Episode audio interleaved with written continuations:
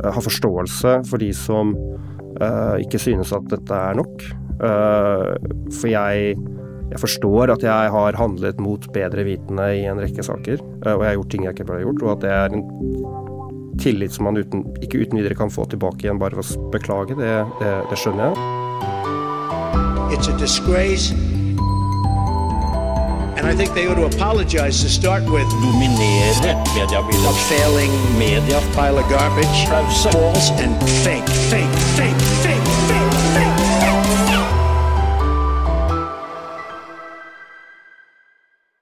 Han forlot oss i mainstream media for å rydde opp i Resett. Nå bryter han med det alternative nettstedet. Velkommen til oss, tidligere redaksjonssjef Lars Akerhaug i Resett. Takk for det. Du sier at Resett har publisert saker som er beviselig feil, og og sluppet gjennom meninger som trolig er rasistisk. Hva som var ditt ansvar, hva du forsøkte å få til og hvorfor du gir deg, det skal vi høre mer om etter noen ord fra våre annonsører. Sikre deg tilgang på det beste innholdet fra mediebransjen. Bli plusskunde i Medie24. Nå er det én krone for én måned uten binding. Vi ses på medie24.no. Lars Akerhaug, vi kjenner hverandre litt fra før. Eh, for du har skrevet noen innlegg her i Medie24, og også i Journalisten. Eh, så derfor ble jeg ganske sjokkert da du meldte overgang til Resett. Eh, det skal vi snakke mye om i dag, men først, hvorfor bryter du med dem egentlig nå? fordi jeg ikke har lykkes med det jeg hadde håpet å få til. Resett da jeg startet, hadde jo et det, vi kan kalle et omdømmeproblem. Man ble sett på mer som en eh, høyrepopulistisk aktør enn et seriøst medium. Uh, målet mitt var å gjøre noe med det. Det har jeg ikke i noe særlig grad uh, lykkes med, og derfor så tar jeg konsekvensen av det. For de som ikke følger Resett til, til, til, daglig, hva var, det, hva var på en måte prosjektet, hva var tankesettet når du skulle komme inn her?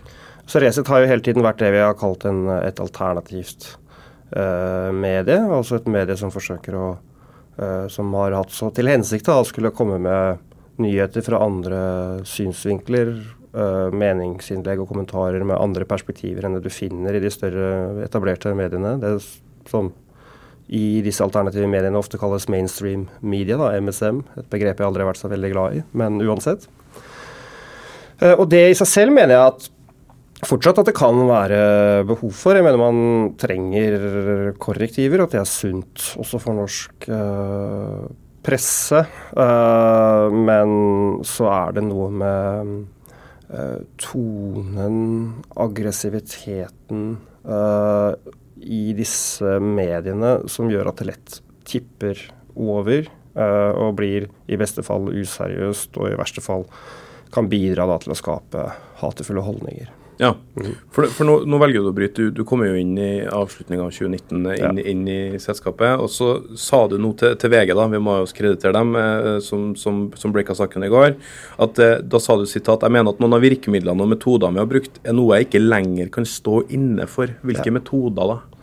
Nei, altså Det handler jo om uh, for det første egentlig det ganske sånn tradisjonelle tabloide virkemidler i kombinasjon med veldig sånn sterkt politiserte, spissa uh, vinklinger uh, rettet mot et bestemt publikum, egentlig. Altså de som er på en måte Hva skal vi si frustrert, sinte, skuffede over samfunnsutviklingen. Uh, og man på en måte um, hvor, man, hvor det er hovedfokuset for nyhetsproduksjonen. og selvfølgelig da i kombinasjon også med å publisere eh, meningsinnlegg av veldig ymse art og kvalitet. Har det vært litt sånn uh, Resett har jo blitt anklaga, og det er ikke noe, skal ikke legge skjul på at jeg har jo uh, anklaga Resett for å drive med rage-bate og en sånn type ting. Har, det, har det, vært uh, din opplevelse at man har publisert sånne type innlegg? Jeg har aldri kjent meg igjen helt i den uh, beskrivelsen. Uh, men det jeg har etter hvert, og det har tatt litt tid, men det jeg etter hvert har tatt inn over meg, det er at jeg har ikke i tilstrekkelig grad forstått uh, Eh, hvordan det føles å lese uh, en del av disse uh, tekstene som kan være Og det gjelder også tekster jeg har skrevet selv, også tidligere, før jeg begynte å jobbe i Resett. Uh, tekster som er innlegg som er aggressive og konfrontative i, i, spørsmål som f.eks. innvandring. Og Da mener jeg at det er sånn at vi trenger en åpen og ærlig innvandringsdebatt. Uh, det kan være et problem i en del av, deler av samfunnet at det er vanskelig å være innvandringskritisk. og det kan være et problem at mediene ikke alltid tar disse debattene godt nok. Men det er også sånn at vi som er ønsker en relativt streng innvandringspolitikk, eh, har et ansvar for hvordan eh, vi formulerer oss. Det ansvaret har ikke jeg tatt eh, personlig i tilstrekkelig grad. Og jeg har heller ikke tatt det ansvaret i tilstrekkelig grad i min jobb som redaksjonssjef i Resett, rett og slett for jeg tror ikke jeg har tatt inn over meg hvordan det egentlig er å f.eks. lese om seg selv da, som et problem om man er andre- eller tredjegenerasjons innvandrer i Norge. Hva som fikk deg til å erkjenne dette?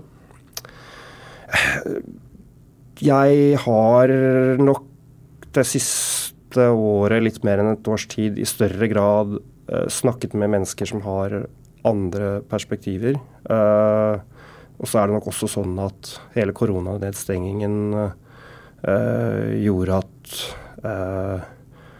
futten rundt prosjektet Resett forsvant litt. Uh, fordi det var andre nyheter som begynte å, å, dominere. Så jeg fikk mer tid til å tenke meg om, og det ble også mindre oppmerksomhet rundt Resett og rundt meg som person, som gjorde at jeg måtte hva skal vi si, revurdere en del ting. Du, du sier at du brukte ca. et års tid da, eh, på, på korona på å liksom erkjenne det, den type ting. Men det var, enk, var, det enkeltpersoner du var i samtaler med? Var det liksom som var det liksom mennesker med minoritetsbakgrunn? Et eller annet sånt, det blir veldig vanskelig å gå dypt inn i det. Men, eh, men det er en kombinasjon av flere ting. Men, men, i hvert fall at jeg har fått litt flere perspektiver og snakket med andre typer mennesker da, enn det jeg gjorde uh, tidligere. Ja. Uh, du har jo vært der i to-tre år. Uh, hva har du lært på denne tida?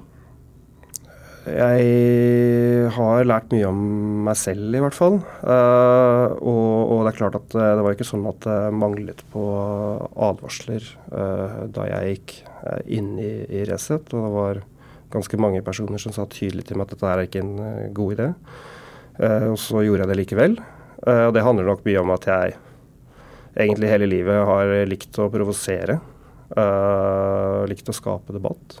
Jeg trivdes nok også kanskje litt for godt i den rollen som den store, stygge ulven som Resets redaksjonssjef, som jeg på en måte fikk i, i norske medier den første tida, da, som redaksjonssjef i, i nettavisen Resett. og så, ja, så gikk liksom lufta litt ut av den ballongen med korona. Det gikk fra å være sånn at journalister ringte nesten daglig, til at det bare sa poff og var borte.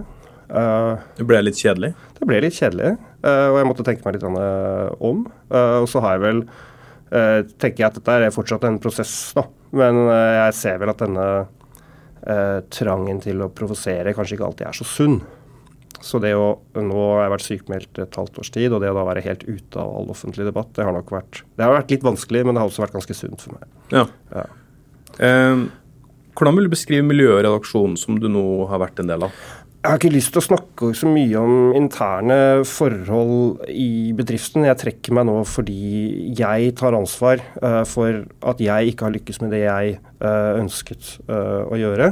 og at jeg heller ikke helt føler at jeg kan stå inne for metodene man bruker. og så må jeg bare ønske mine tidligere kolleger i Resett lykke til videre. Så jeg har ikke noe negativt egentlig å si om arbeidsforholdene og de feilene jeg snakker om i dag, er først og fremst ting jeg har ansvar for. Ja. Hvilke feil er det du eh, angrer på? Det er mange ting. Det er mange ting vi kunne snakket om. Um, Begynn et sted, da. Jeg kan begynne et sted. Jeg kan komme med et eksempel. Uh, det var uh, det, det, er jo sånn at uh, veldig mye av de sakene som leses godt i Resett, er mediekritikk.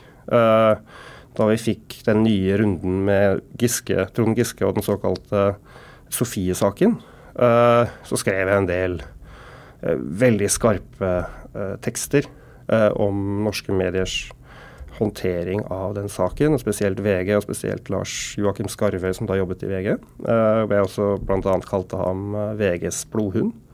Uh, og selv om jeg mener at det kan godt hende at det var gode grunner til å være kritisk til VG på det tidspunktet, det var det jo mange som var, uh, så har jeg i etterkant sett at disse formuleringene Det ble også publisert noen noe som var feil. Det ble riktignok riktig rettet opp ganske raskt, men likevel.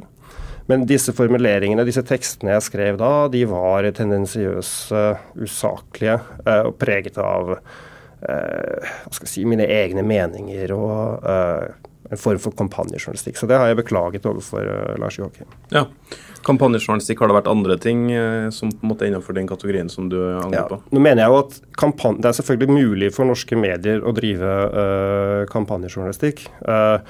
men det er klart at veldig mye av dekningen som vi har hatt i Resett, har vært måte, preget av en form for kontinuerlig kampanjejournalistikk på en, på en rekke områder. man kan nevne innvandring, selvfølgelig. Klima presidentvalget i USA og en rekke andre saker hvor det er helt åpenbart og tydelig hvilket standpunkt redaksjonen har, og hvilket standpunkt man skriver ut fra. Det trenger ikke alltid å være uh, feil, men det blir selvfølgelig et problem om det er sånn at alle saker er helt forutsigbare, uh, og uh, at man alltid kan måte, forstå hva det er meningen at man skal, leser skal føle og tenke etter å ha lest en sånn sak. Du kom jo inn i, i Resett, har en bakgrunn fra Minerva, VG. du har på en måte gått MSM-skolen for å se litt sånn på Flås. Fikk du noe gehør for journalistisk metode, Vær varsom-plakaten, den type ting, eller, eller, eh, var dette liksom helt eh, nytt for de som jobba her? Eh, det er absolutt sånn at det ble gjort uh, iverksatt noen grep da jeg startet i Resett, uh, og som gjorde at man i større grad f.eks. søkte samtidig imøtegåelse, uh, noe bedre faktakontroll på te tekster, særlig det som var produsert av journalistene. Men så er det nok sånn at det er krevende å gjøre store snuoperasjoner uh, i så små organisasjoner hvor få har pressebakgrunn. Hvordan da? Det er um, vanskelig å gå inn på detaljer rundt det, fordi da må jeg snakke om interne ting i bedriften, og det har jeg ikke så lyst til. Jeg, jeg tror det er ganske mange av våre lyttere som lurer på det her. Ja, det forstår jeg veldig godt. Uh, men men jeg syns det er på en måte Det er i hvert fall, er hvert fall sånn at uh, um, jeg forsøkte å gjøre noe, uh, og så tror jeg at jeg ikke forsøkte hardt nok. Uh, og jeg gjorde det ikke godt nok. og det er Det er jo sånn at ikke bare jeg har ansvaret for Resett som produkt, men, men det, jeg har en betydelig del av det ansvaret, og det er mitt ansvar. og det er noe jeg beklager personlig. Ja. Eh, jeg skrev en artikkel i 2018. Eh, Lars Akerhaugs viktigste jobb i Resett ble å lære redaktøren hva journalistikk er. Eh, jeg er ingen objektiv journalist på dette her. Dette her er sterke meninger om. Så skrev jeg at Akerhaugs inntreden i Resett kan være det beste som har skjedd Nettavisa, men bare hvis Helge Lurås lytter mer enn han prater. Hvordan var samarbeidet mellom deg og Helge Lurås? Lytta han mer enn han prata? Eh, det er absolutt sånn at jeg opplever at jeg har fått, på generelt grunnlag at jeg har fått gehør for mine innspill i organisasjonen. Eh, men så, har, eh, men så har det samtidig vært slik at en del problemer har hva skal vi si, blitt løst der og da, og så har de gjentatt seg. Hva da? Og, nei, F.eks. at man har publisert meningsinnlegg med til dels rasistiske og noen ganger også det man kan kalle høyreekstreme holdninger. Og det har skjedd igjen og igjen. og det har blitt publisert uh, saker med uh, hva skal vi si, for svak faktakontroll. Og jeg har også skrevet slike saker. så for meg så sier det noe om også at det er og kanskje overraskende lett å, å bli dratt inn i noe, da. Som i hvert fall ikke Det var for meg i hvert fall overraskende lett å bli dratt inn i noe jeg ikke helt forsto uh, rekkevidden av før jeg var der. Har du følt at du har liksom vært litt i en boble, på en måte? Man blir jo litt det. Og så tror jeg det også er vanskelig å uh, Jeg visste jo på forhånd at jeg kom til å brenne mange broer ved å gå inn der. Uh, men jeg tror likevel det er vanskelig å, uh, uten at jeg skal gjøre meg selv til en offer, men vanskelig å liksom helt forstå det utenforskapet før man er der selv. og når du samtidig blir hva skal vi si, pepret med kritikk. Både saklig kritikk, sånn som det du viser til her, sånn, men også en god del eh, relativt usaklig eh, kritikk på sosiale medier. Eh, og det på en måte er en del av hverdagen din, så er det lett at du går inn i forsvarsmodus eh, og bare blir der. Og det er litt det jeg har prøvd å si, at altså, i den første tiden i Resett så var du på en måte jeg var konstant under angrep. forsøkte å være så saklig jeg kunne, men det er klart det var mye som var krevende å forsvare. Fordi det ble gjort feil på feil på feil på feil. Um, og så ble det fryktelig stille, og jeg måtte begynne å tenke meg om. Mm. Mm. Var det aktivisme eller journalistikk? Begge deler, vil jeg si. Ja. Altså det har blitt, det er eh, eksempler på saker, ikke i Resett som fra flere uh, skribenter, som jeg mener er helt alminnelig uh, journalistikk. Ofte temaer som ikke dekkes så mye i andre medier. Men så er det også veldig mye uh, aktivisme både på Selvfølgelig blant de som skriver debattinnlegg og kommentarer, men også i den generelle nyhetsproduksjonen. Sikre deg tilgang på det beste innholdet fra mediebransjen. Bli plusskunde i Medie24. Nå er det én krone for én måned uten binding. Vi ses på medie24.no. Vi har jo sett eh, innvandringspolitikken har jo vært en, eh, en, en brekkstang for Resett også for å etablere seg den type ting. Ehm, men så har man journalister som også har politiske Altså at man er aktiv i politikken. Sant? Man har en journalist som er i Frp, litt sånn den type ting. Eh, det, også når man får den kritikken om at man må være uavhengig, det er det som er hensikten med Vær så, så blir man møtt med en vegg. altså er, Kjenner du deg igjen i det? At man, at man sauser sammen aktivisme og journalistikk? Jeg vet ikke om jeg opplever det at man har hatt journalister som f.eks. har vært aktive i politikken som et så stort problem for et så lite medie. Det har jo også uh, medier som i hvert fall kan kalles mer etablerte, sånn som Klassekampen og Minerva. Uh, har journalister som også er aktive i politikken, og som til dels også skriver om Om de ikke skriver om partipolitikk, så skriver de i hvert fall om uh, saker som berører norsk politikk. Og så er det mindre vanlig selvfølgelig i større medier som VG og NRK, og sånn må det nok være. Uh, men uh, jeg tror det er et problem at man uh, Jeg tror det er et problem generelt for alternative medier. At man, det er vanskelig å skjønne når er det du er kommentator, og når er det du er journalist. det ble gjort grep og endringer rundt dette i, i Resett, men helt sikkert ikke tilstrekkelig. Mm. Mm. Vi, du snakka bl.a. i VG-artikkelen når, mm. når, du gikk an om, om, om narrativet. Eh, hva, hva, la du i det om at man følger et narrativ i Resett? Det er jo sånn jeg har tenkt, da, for å være helt ærlig. Eh, så om mine kolleger har tenkt helt på samme måten, det kan ikke jeg si noe om. Men slipp oss inn i hva du ja, har tenkt, da. Men altså, jeg øh, har på en måte fulgt et slags sånn høyrepopulistisk øh, narrativ som har vært inspirert til dels fra konservative medier i USA, uten at jeg dermed har på en måte slukt alle det hele den politiske pakka, men ut fra hvordan disse mediene har operert, sånn som f.eks. Breitbart. Og Det handler jo om å på en måte lage en fortelling uh, om hvem som er eliten i et samfunn, og hvem som er vanlige mennesker. Hvor man utroper seg selv, helt, litt sånn egentlig uavhengig av om man egentlig er det eller ikke. Man utroper seg selv til en sånn representant for folk flest, vi som forstår hva grasrota tenker og føler, i motsetning til elitene, som da er f.eks mediene, kulturfolk, politikere, eh, deler av næringslivet osv. Uh, og Det er en ganske sånn det er en ganske fleksibel uh, måte å tenke på, fordi du kan nesten alltid tilpasse deg litt Du kan nesten alltid tilpasse kartet til terrenget. og samtidig på mange måter ganske effektiv, men har, samtidig, men har heller ikke hatt den helt store slagkraften da, i det norske samfunnet, uh, som man har sett i andre land. Heldigvis, kanskje. Vi, vi har jo hørt uh, enkelte politikere som tar til orde for uh, at man ønsker en nettavis fra Høyre som ser Norge mot venstresida, ikke omvendt, på en måte. kan Resett bli den nettavisa? Nei, det tror jeg ikke. Jeg hadde håpet det. det var nok naivt. men jeg hadde håpet at det var mulig å få en tilsvarende utvikling i Resett som f.eks.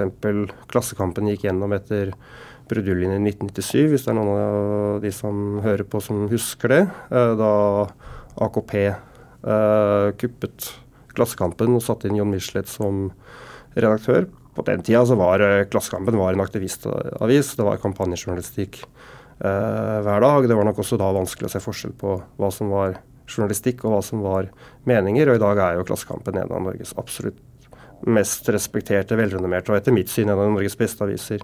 Eh, men så er det Da er det noe med uh, at man på venstresiden i Norge, og også på den radikale venstresiden, har lange tradisjoner og godt etablerte intellektuelle uh, miljøer uh, som gjør at det er lettere å få retning på denne typen prosjekt. Og det er i større grad fraværende da, i den borgerlige uh, norske offentligheten. Det er mye penger, men det er ikke så mye ideologisk virksomhet. Er det mulig for deg å, å starte en sånn nettavis? Det har jeg ikke gjort meg noen tanker om, for å være helt ærlig. For jeg tror mange som lurer på noe, Nå har du gått av som redaksjonssjef i, i Resett. Tror du at du er velkommen tilbake i journalistikken, eh, eller har du brent de bruene nå? Det er vanskelig for meg å gjøre meg noen, opp noen mening om det. Jeg har forståelse for de som ikke synes at dette er nok. for jeg, jeg, forstår at jeg har handlet mot bedre vitende i en rekke saker. og jeg har gjort ting jeg ikke burde gjort, og at det er en tillit som man uten, ikke uten videre kan få tilbake igjen bare ved å beklage. Det, det, det, skjønner jeg. Og så er jeg samtidig har jeg fått mange hyggelige tilbakemeldinger fra folk i norske medier uh, siden denne saken ble publisert i VG i går. Og det er jeg takknemlig for. Uh, men det er ikke noe jeg tar for gitt. Du har jo vært eh, langt ute på venstresida i politikken, så kan man si at du i hvert fall har gitt uttrykk for å være på høyresida i politikken igjen. Er er det noe på vei tilbake igjen? Nei, altså jeg tror ikke jeg har jeg, jeg, har sagt før at da jeg begynte å på en måte gi litt uttrykk for egne meninger igjen rundt altså Jeg hadde jo et, et langt fravær hvor jeg ikke deltok i noen form for offentlig debatt da jeg jobbet i VG Aftenposten. Og så begynte jeg i mindre nisjemedier rundt 2013-2014. Og begynte å engasjere meg i debatter om islamisme, innvandring, uh, Ja, for du har skrevet bøker om dette? Ja, ja. Ikke sant? Bøker om radikal islam, bl.a. Uh, jeg tror ikke det er så mye Det er noen formuleringer jeg uh, gjerne skulle ha sett ugjort, men, uh, men, det får jeg ikke gjort noe med nå. Men, men både før og etter jeg begynte i Resett. Um, Hvilke men, formuleringer er det vi snakker om da? Nei, F.eks. Uh, så var det en debatt i forbindelse med lanseringen av Brochmann II-utvalget. Da jobbet jeg som journalist bl.a. i Minerva. Forklar for dem som ikke vet hva det er for noe. Brochmann II-utvalget det var da et uh, utvalg som ble satt ned for å diskutere ja, bærekraften i innvandringen og hvilke konsekvenser det ville ha for velferdsstaten. Uh, og da var det sånn at Et av medlemmene, Asle Toje, som er forsker og da jobbet ved Nobelinstituttet, i dag sitter han i Nobelkomiteen, han leverte noen uh, merknader uh, som, uten at jeg husker disse i farten nå, handlet om hva slags, altså hvordan det norske samfunnet ville utvikle seg kulturelt med den relativt høye innvandringen man så fortsatt ville komme. Og Da skrev jeg en kronikk i Dagbladet Uh, hvor jeg tok til orde for et Asle Toje-utvalg som skulle se på disse problemstillingene uh, og diskutere den norske velferdsstatens kulturelle bærekraft. Men Var det noe galt i det?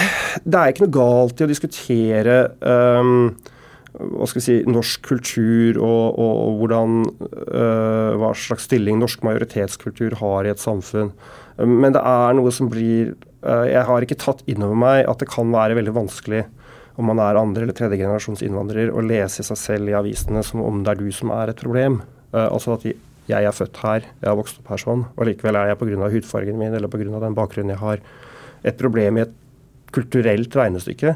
Uh, dette er et eksempel på en formulering jeg mener man kunne ha Her kunne man valgt andre ord. Uh, og selvfølgelig ikke fått de samme overskriftene, ikke blitt invitert til debatten på NRK, men kanskje fått en bedre debatt. Ja. Mm. Eh, man, man, i, i, pressen så snakker man jo om at uh, Resett er Noen mener jo at Resett er rasistisk. Mm. Er, er, det rasistisk? Eh, jeg oppfatter at man har um, sluppet til holdninger og meninger som er uh, rasistiske. Uh, og man har også gjort det vel vitende om at det blant Resets lesere og kanskje særlig blant de aller mest entusiastiske leserne, uh, så er det folk som har uh, rasistiske holdninger, fremmedfiendtlige holdninger, sterkt fiendtlige holdninger til mennesker med andre, annen bakgrunn, annen kultur, annen legning også. Mm. Du, du, sa jo at du angra på at du har publisert noe. Dette, dette har jo vært ditt ansvar eh, som, som, redaksjonssjef også å sørge for. Um, ja, det, har i hvert fall vært sånn at jeg kunne oftere ha grepet inn og, og stanset Hvorfor gjorde du ikke det, Lars? Nei, Det er et godt spørsmål. Uh, I begynnelsen så startet det kanskje med at jeg uh, hadde andre ansvarsområder og, og, brukte tida mi på det. Uh, også at jeg kanskje ble litt oppslukt av, av alle disse debattene som gikk om, om Resett, brukte mye tid på det. Det tok fryktelig mye tid en periode. Um, og seinere så var det nok en opplevelse av resignasjon. Mm. Hva betyr det? Nei, At jeg ikke følte jeg i tilstrekkelig grad kunne gjøre noe med det. Nei. Nei. Det var vanskelig å uh, forankre en forståelse av hva det innebar å publisere slike innlegg. Nå har du jo valgt å bryte ut av eh, Resett. Eh, hvordan har tilbakemeldingene vært eh, fra først og fremst dine tidligere kolleger da, eh, i Resett, men også i, i, pressen for øvrig? Jeg har ikke hørt så mye fra uh, uh, de jeg har jobbet med i, i Resett. Uh, jeg har, etter at jeg ble sykmeldt i juni, formidlet noen av de samme tingene som jeg nå har sagt til VG, til Resets styre. Uh, sånn at det ikke burde komme som noen overraskelse, egentlig, for de som er på en måte tettest involvert i prosjektet. Men så har jeg forståelse likevel for at noen reagerer på at jeg går ut. Men igjen så, så har jeg egentlig ikke Jeg har ikke behov for å kritisere andre. Uh, hvis man ønsker å fortsette Resett sånn som nå, så står man jo fritt til det. Det skal være ytringsfrihet i Norge. Uh, men jeg føler ikke lenger at det er et prosjekt jeg kan delta i. Hvordan har du tenkt å rette opp i feilene som er gjort, da? Det er jo ikke så veldig mye jeg kan uh, gjøre, uh, dessverre. Uh, utover å, å, å beklage og ta ansvar for det. og også si ganske tydelig at det er kanskje ikke det her norske pressefolk er mest opptatt av, men jeg har behov likevel for å si ganske tydelig når jeg først er her, at jeg, jeg, jeg forstår Har ikke, heller ikke tatt inn over meg hvordan det er å være på den andre siden når man har blitt utsatt for veldig sånn person rettet uh, journalistikk. Det har vært sånn at man i Resett har på en måte omtalt enkeltpersoner igjen og igjen og igjen. Uh, ofte, ikke, ofte, ikke, så veldig negativt eller så veldig uh, usaklig, men det er likevel noe med proporsjonene denne dekningen har tatt, som nok har vært en belastning for ganske mange. Både en del ganske kjente mennesker og også noen mer ukjente mennesker. Og det har jeg ikke Jeg har ikke i tilstrekkelig grad forstått hvordan det kan oppleves. Kanskje også litt fordi jeg selv er tykkhudet og vant til å og, og, kanskje også liker å få den typen uh, oppmerksomhet, men at andre opplever det annerledes. Uh, og det beklager jeg. Det kan virke på meg som at du har fått litt sånn åpenbaring mens du var ute det, det halvåret. Stemmer det? Uh, nei, uh, det var nok sånn at jeg det siste året gradvis forsto at dette holdt opp å si, for min del var ikke noe jeg lenger kunne fortsette med. Uh, og at på et tidspunkt så bare gikk det ikke lenger. Og så har jeg brukt siste halvåret egentlig på bare å ja, ta vare på meg selv. Mm. Ja. Mm. Hva gjør du nå? Det vet jeg ikke. Nei. Hva ønsker du å oppnå med kan du si, denne presseturneen etter utgangen av Resett? Nei, jeg ønsker å, å, forklare litt hva jeg har vært med på, og, og, si noe om hvorfor jeg slutter. Og det gjør jeg kanskje mest for min egen del. Jeg syns det er hadde vært vanskelig å bare gå stille ut døra, rett og slett. Så har jeg ikke tenkt så fryktelig, fryktelig mye mer enn det. Hvilket forhold har du til Helge Lurås? Jeg har et helt ok forhold til Helge Lurås. Ja. Sånn fra min side, i hvert fall. Mm -hmm. Bra. Takk skal du ha, Lars Akerhaug, for at du stilte opp i Pressepodden. Ansvarlig redaktør er undertegnede Erik Votland, teknisk ansvarlig Sebastian Manrikes. Vi høres plutselig. I etterkant av denne innspillinga har Medie24 vært i kontakt med Helge Lurås, som omtaler seg selv som redaktør på Resett, for å gi han et eh, tilsvar. Han skriver en tekstmelding til oss at han eh, takker for tilbudet, og mener at du skal lese opp tilsvaret som han ga til VG denne uka. Det er alt jeg ønsker å kommentere. Vi ønsker Lars alt godt videre, sier Helge Lurås. Og i det, i det, sitatet i VG så sier han sitat Lars Akerhaug begynte som redaksjonssjef i Resett i januar 2019. Han har hatt en sentral rolle helt til han i juni 2021. Det sterke utfallet han, han, nå kommer mot sin egen arbeidsplass, har han ikke gitt uttrykk for mens han fortsatt var i stillinga, og kunne påvirke det i en annen retning. Han sier videre at sitat, jeg er overraska over at Akerød går ut på denne måten, men har samtidig forståelse for at det har vært belastende å jobbe i Resett med all kritikken som kommer mot oss. Lars har bidratt til å profesjonalisere Resett på mange områder, noe vi er takknemlige for. Vi ønsker ham alt godt videre. Det konkluderer Helge Lurås til VG.